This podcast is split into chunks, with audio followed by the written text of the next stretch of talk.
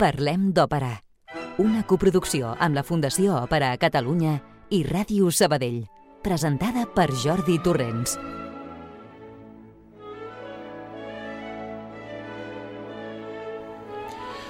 Bona tarda tingueu tots i totes. Sigueu benvinguts a aquest nou programa de Parlem d'Òpera Ràdio Sabadell i sigueu benvinguts també a un nou any, 2024, que tot just hem encetat fa quatre dies.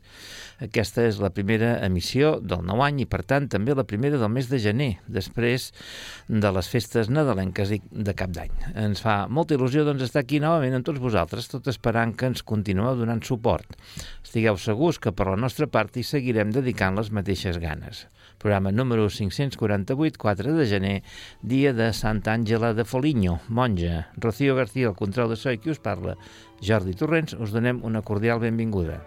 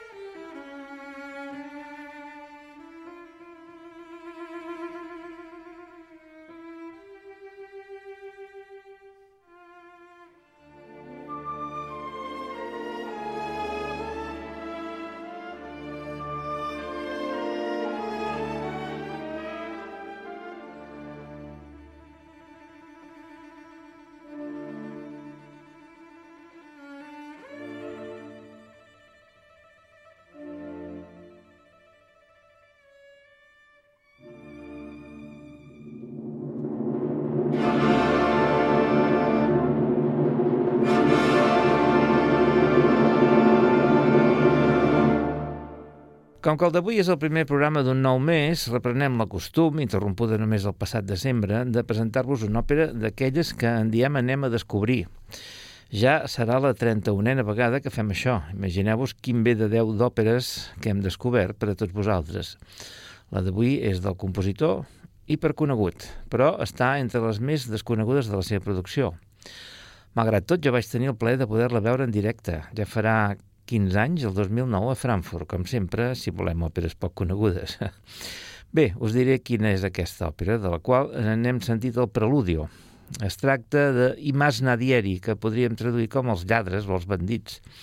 És una òpera en quatre actes amb llibret d'Andrea Maffei, basat en el drama Die Rauber de Schiller eh, i música de Giuseppe Verdi, l'única de les obres del mestre de Boseto estrenada a Londres, en el Her Majesty's Theatre, fet que va tenir lloc el 22 de juliol de 1847.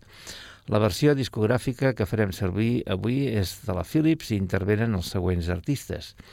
Ruggero Raimondi com a Massimiliano, Carlo Bergonzi com a Carlo, Piero Capuccilli com a Francesco, Montserrat Cavaller com a Amàlia, John Sandor com a Arminio, Maurizio Mazzieri com a Moser i William Elvin com a Rolla. El cor Ambrosian Singers i la New Philharmonia Orquestra sota la batuta de Lamberto Gardelli completen el cas d'aquest enregistrament del 1974. I tot seguit us proposo sentir de l'acte primer l'àrea de Carlo o Mio Castel Paterno.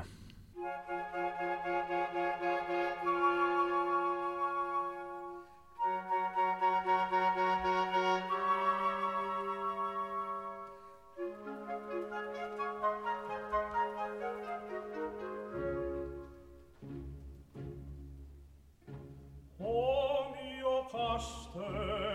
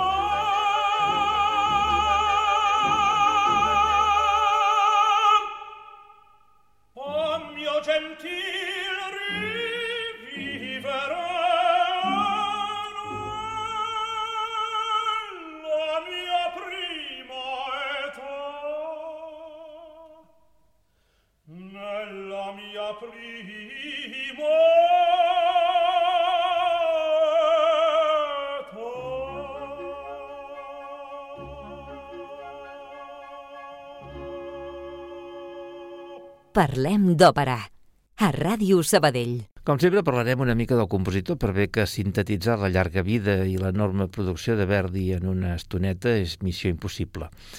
Giuseppe Verdi va venir al món el dia 10 d'octubre de 1813 en el poblet de Le Roncole, molt a prop de la petita ciutat de Busseto, en l'aleshores ducat de Parma. Per bé que en el precís moment del naixement del compositor pertanyia a l'imperi francès de Napoleó Bonaparte.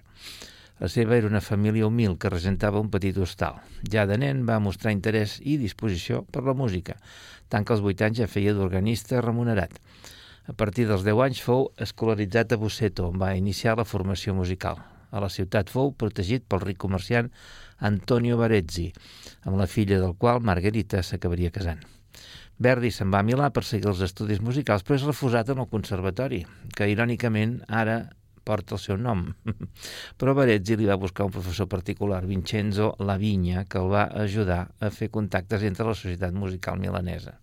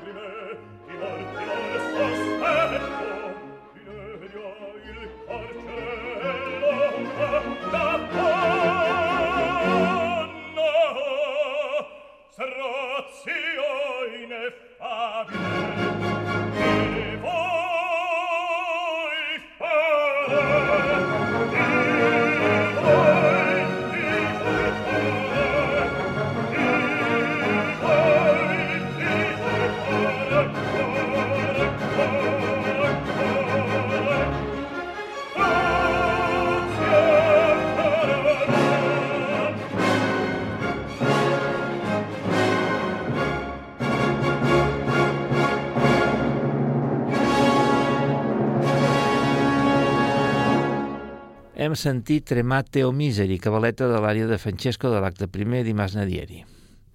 El 1835 Verdi torna a Busseto, on es casa amb Margarita Barezzi l'any següent i neixen els seus fills, que tots dos moririen abans dels dos anys.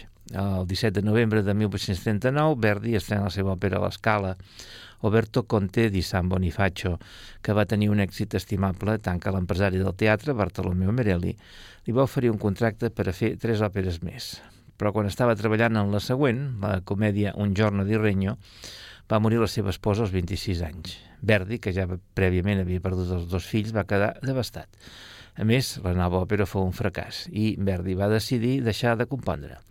Només la insistència de Merelli ho va evitar i va començar a treballar en Nabucco, llibret prèviament refusat per Otto Nicolai. L'estrena va tenir lloc el 9 de març de 1842 amb un gran èxit, que va suposar els fonaments de la seva brillant carrera, una òpera que de seguida es va representar arreu d'Itàlia i a l'estranger.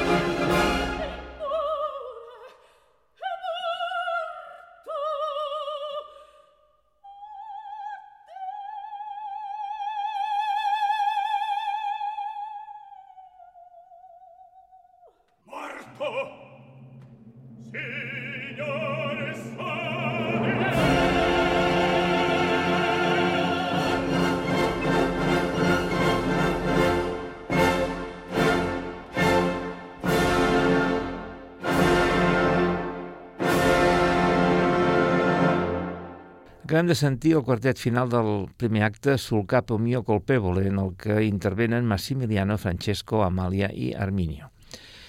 Després de Nabucco comença per Verdi un període de 8 anys durant els quals va compondre 13 òperes i que ell mateix va anomenar els anys de galeres per donar una idea del que fou una època durant la qual va fer grans esforços per tal de situar-se i fer-se un nom en el panorama operístic italià. Bé, no tan sols italià, sinó també europeu, doncs a poc a poc va començar a ser cridat en altres països per tal de compondre i estrenar noves òperes. Les obres d'aquest període foren I Lombardi a la prima Crociata, estrenada a l'Escala el 1843, Hernani a la Felice de Venècia el 1844, i Due Foscari en el Teatre Argentina de Roma el mateix any, Giovanna d'Arco de nou a l'Escala el 1845, Algira, en el Sant Carlo de Nàpols, també el 1845. Àtila, de nou a la Fenice, el 1846. Macbeth, en el Teatre de la Pèrgola de Florència, el 1847. I Masnadieri, el mateix any a Londres, que fou la seva primera estrena a l'estranger.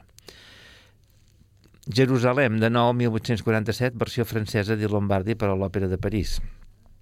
I el Corsaro, 1848, en el Teatre Grande de Trieste, la batalla di Legnano, 1849, en el Romà Teatre Argentina, Luisa Miller, el 1849, en el San Carlo de Nàpols, i Stifelio, novament a Trieste, el 1850.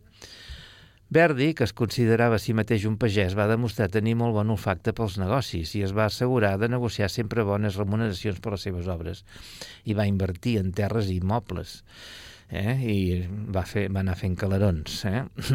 va visitar també Viena el 1843, on va supervisar una producció a Nabucco. I sembla que el mateix any a Parma va conèixer la que seria la seva companya de vida i posteriorment la seva segona esposa, la soprano Giuseppina Streponi, que protagonitzava una producció d'aquesta òpera i que es diu que de tant cantar Abigail, el personatge protagonista extremadament exigent per al soprano, va acabar perdent la veu. També fou l'època en què va començar a martiritzar els seus pobres llibretistes amb contínues ingerències en l'elaboració dels textos. Un d'ells, però, li va romandre fidel i sempre obedient a les seves exigències, i fou Francesco Maria Piave, que li va escriure Hernani i Due Foscari, Attila, Macbeth i el Corsaro, Stifelio, Rigoletto, La Traviata, Simón Bocanegra, Haroldo i La Forza del Destino. Déu-n'hi-do.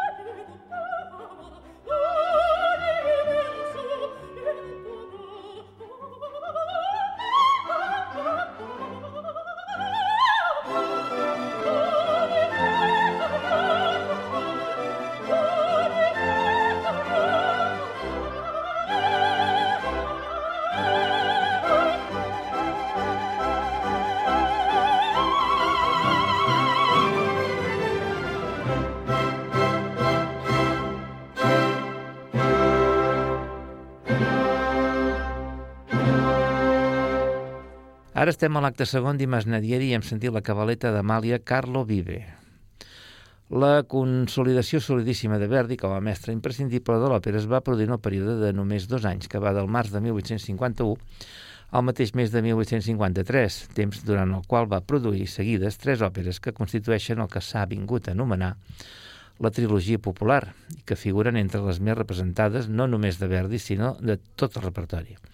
Rigoletto del 1851 i el Trovatore i la Traviata amb dues estrenades el 1853. La primera i la tercera a Venècia i la segona a Roma. Rigoletto li va originar greus problemes amb la censura austríaca a Venècia, ciutat que aleshores pertanyia a l'imperi austríac. I la Traviata ja sabem que va suposar un gran fracàs en la seva estrena, però ha acabat esdevenint la seva òpera més popular i estimada. A partir d'aquestes tres òperes, el ritme de treball del compositor es ralentitza notablement – ja no necessita estrenar una òpera, o fins i tot dues cada any, eh, ara es podia prendre les coses a un ritme diferent i marcar ell mateix els temps. I d'aquesta manera, durant els 18 anys que transcorren des de l'estrena de la Traviata i la d'Aida, compon només sis òperes.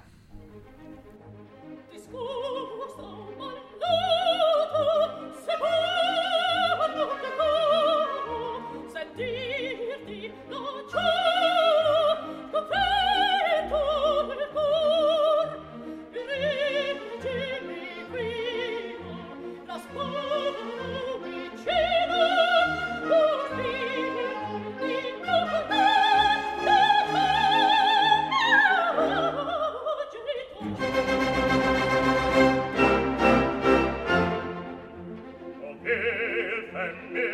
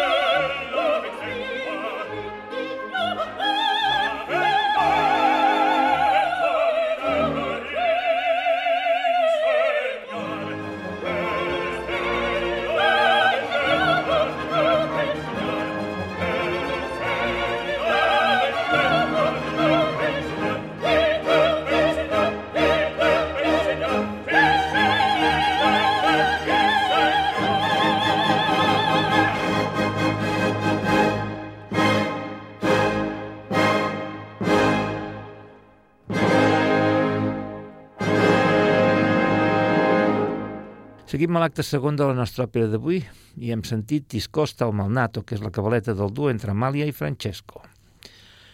De fet, el que Verdi tenia ganes era de gaudir de la tranquil·la vida rural a la seva finca de Santa Àgata, però els encàrrecs anaven arribant. Així, el 13 de juny de 1855 estrenen l'òpera de París en format de gran òpera, les vespres sicilianes, que avui en dia es fan més en la seva versió italiana. El març de 1857 torna a la Fenice, per estrenar Simón Bocanegra, òpera que no va gaudir d'un gran èxit, en bona part per l'enrevessat de la trama, i que posteriorment revisaria fons i restrenaria l'escala el 1881. També fou una revisió, en aquest cas de Stifelio, la seva següent òpera, Haroldo, estrenada a Rimini l'agost de 1857. Un bal i màscara fou presentada a Roma, on va haver d'anar a parar després de greus problemes amb la censura de Nàpols, on el Teatro San Carlo havia fet l'encàrrec. El novembre de 1862 estrena la Força del Destino a Sant Petersburg, la capital de Rússia, d'on venia la comanda. L'11 de març de 1867 torna a París per estrenar Don Carlos, un altre gran òpera, potser més coneguda en la seva versió italiana, Don Carlo. Finalment, Aida es va estrenar en un escenari exòtic, el Caire. El desembre de 1871 doncs, havia estat un encàrrec del Gedive d'Egipte. Com veieu, Verdi era un compositor de prestigi i fama mundials. Sentim ara el finale de l'acte segon d'Imas Nadieri, Capitano, que és bàsicament un cor.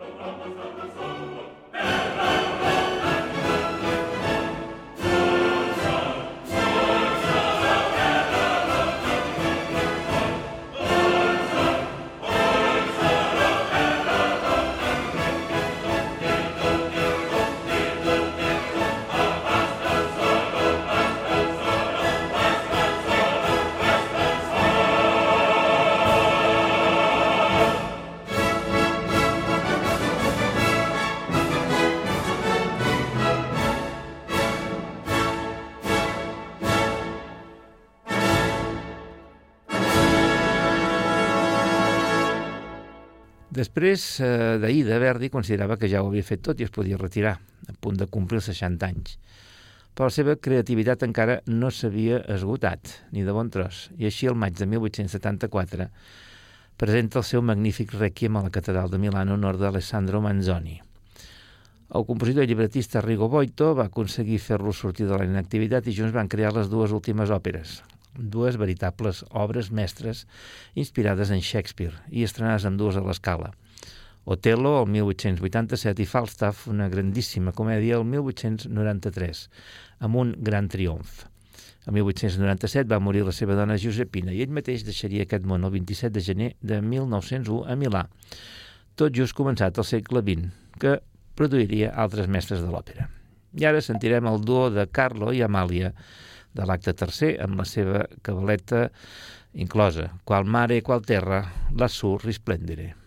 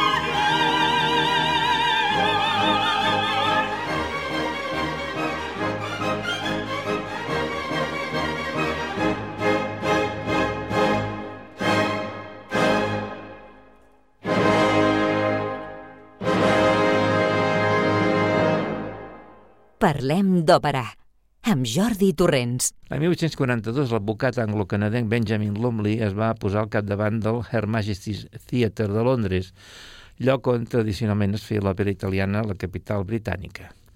El 1845 s'hi va representar Hernani amb tant d'èxit que Lumley va decidir encarregar una nova òpera Verdi, que va acceptar, i van quedar que l'estrena tindria lloc l'estiu de 1846 però per problemes de salut del compositor l'esdeveniment s'hauria d'ajornar fins al 1847. Verdi va treballar més o menys simultàniament en les composicions de Macbeth eh, i de Masnadieri. La seva intenció era estrenar la primera a Londres i la segona a Florència, però per aquesta no va trobar cap tenor adient. Ja veieu que aquest és un mal que ve de lluny, eh? de manera que va intercanviar les òperes. Així fou com i Masnadieri es va acabar estrenant a Londres, mentre que Macbeth ho fou a la capital de la Toscana. La Premier londinenca va tenir lloc el 22 de juliol de 1847 amb presència de gent importantíssima com la pròpia reina Victòria, el príncep Alberto o el duc de Wellington. Verdi va dirigir l'orquestra el dia de l'estrena i el triomf va ser, segons sembla, espectacular, tant de públic com de crítica. Tinguem en compte que el repartiment, a més, va ser de primeríssim nivell internacional. Luigi Lablache, Massimiliano, Italo Gardoni, Carlo, Filippo Coletti, Francesco i Jenny Lind coneguda com el rossinyol suec, Amàlia. Aquest èxit, però, no va tenir continuïtat, malgrat que, com heu esteu sentint, la música és brillant i bonica, molt pròpia de la força del Verdi jove, en aquella època es trobava en la trentena, probablement la raó estigui en les inconsistències i excessos del llibret. No n'hi ha per menys, com veureu ara quan expliquem l'argument. Sentim abans, però, el raconto de Massimiliano de l'acte tercer, un ignoto,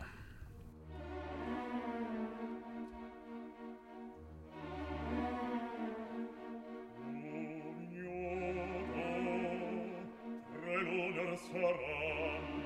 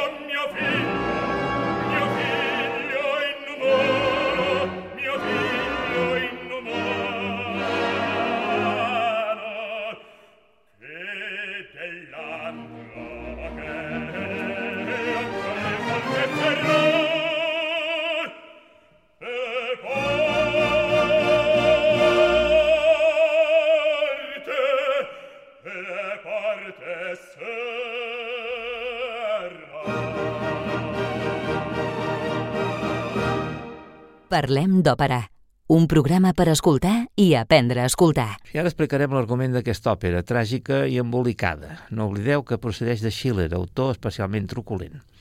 La trama té lloc a Saxònia en el segle XVIII, entre el 1755 i el 1757. Acte primer. Carlo, fill primogènit de Massimiliano, comte de Mur, ha abandonat la casa paterna, però desitja de tornar-hi. No obstant, rep una carta firmada pel seu pare en la qual diu que l'expulsa de casa i fins i tot el vol empresonar. Enrabiat decideix esdevenir el cap d'una banda de malfactors, Masnadieri. Realment la carta ha estat escrita pel seu germà petit, Francesco, pèrfid i envejós, el qual pretén fer-se amb els territoris del seu pare, el comte. Francesco fa venir el servent Arminio i li ordena vestir-se de soldat i portar al seu pare la falsa notícia de que Carlo és mort. Mentrestant, el vell Massimiliano dorm plàcidament i Amàlia, una òrfena que ell va adoptar i que està enamorada de Carlo, el contempla i recorda l'estimat. El conte es desperda i transmet a la noia les seves preocupacions per la llunyania de Carlo, que en definitiva és el seu fill predilecte. Entre Francesco, que anuncia l'arribada d'Arminio disfressat de soldat, el qual transmet la falsa notícia sobre Carlo. Massimiliano no pot suportar el dolor i perd el coneixement.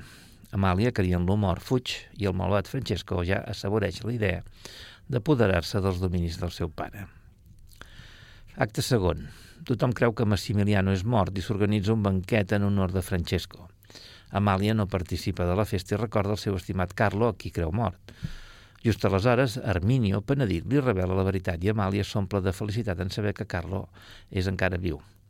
Entre Francesco, que l'intenta convèncer que oblidi el difunt Carlo i l'estimi a ell, però Amàlia el menysprea. Mentrestant, Carlo, com a cap dels bandits, esdevé culpable dels delictes més atrossos fins al punt de menysprear la seva antiga vida i la seva estimada Amàlia. I ara, si us sembla, anirem a sentir D'estate vi o pietre, al final de l'acte tercer, amb Carlo i el cor.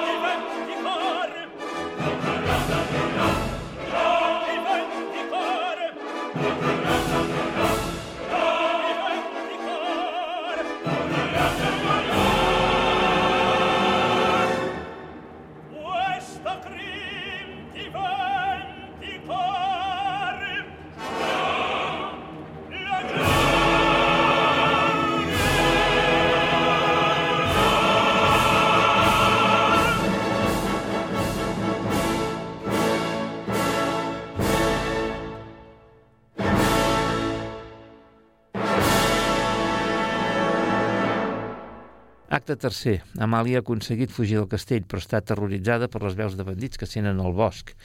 I vet aquí que troba Carlo, i després de tant de temps tots dos s'abracen en passió. Amàlia el posa al dia de la situació i li explica que Francesco ha esdevingut el senyor després de la mort de Massimiliano i que ha intentat utilitzar la violència sobre ella. Carlo jura venjança, però abans renoven les promeses d'amor. Els bandits, mentrestant, han escollit com a base les ruïnes d'una torre que hi ha a la zona. És de nit, però Carlo no dorm i en la seva vella veu apropar-se un ombra a una cova tancada per una reixa, d'on surt una veu. És Arminio que porta a menjar un presoner, però fuig espantat tan bon punt veu Carlo, que t'obre la reixa i veu que el presoner no és altre que el seu propi pare, que no és mort, el qual li explica que ha estat tancat allà pel seu fill Francesco amb la intenció de que mori de fam, i com a l'acte primer es desmaia. El Carlo jura venjança un cop més i desperta eh, els seus bandolers. Tots plegats assaltaran el castell de Francesco. Acte quart. Mentrestant, Francesco és presa dels remordiments i malsons. Explica Arminio un somni en el que li semblava sentir ser Caín, maledeït per Déu.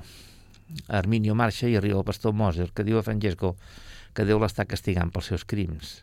Torna Arminio tot avisant que els bandits estan envaint el castell i Francesco, malgrat saber que aviat morirà, fuig tot llançant una darrera blasfèmia contra Déu. A la guarida dels bandits, Massimiliano continua a invocar en va Francesco i a demanar el perdó de Carlo, a qui segueix caient mort, ja que no ha reconegut el seu fill en el cap dels malfactors. Aquest el tranquil·litza tot dient que el fill el perdonarà de ben segur. En aquell moment entren els bandits que tornen del castell, portant Amàlia com a presonera. Carlo, aleshores, no pot amagar més la veritat al seu pare i a l'estimada. Ell és el cap d'aquella banda de lladres i assassins. Amàlia jura que l'estima fins i tot sent un criminal, però Carlo està lligat a la seva banda per juraments inexorables i així li ho retreuen. El noi, en sentir-ho, li diu que si no pot trencar aquestes sinistres cadenes, que la mati, perquè si no la seva vida no valdrà la pena. I així ho fa, sacrificant-la als seus lligams davant l'estupor de tothom i anuncia la seva intenció de lliurar-se a la justícia. Aquí s'acaba Imas Nadieri, un final ben penós i excessiu, oi que sí? Romanticisme extrem. I bé, acabarem el nostre programa d'avui tot sentint el final de l'acte quart i de tota l'òpera, Caduto e il Reprobo. I amb això us deixo fins la setmana vinent, que ja tinc un nou programa preparat. La fàbrica no s'atura mai, no fa mai vacances. Adéu-siau i fins dijous que ve.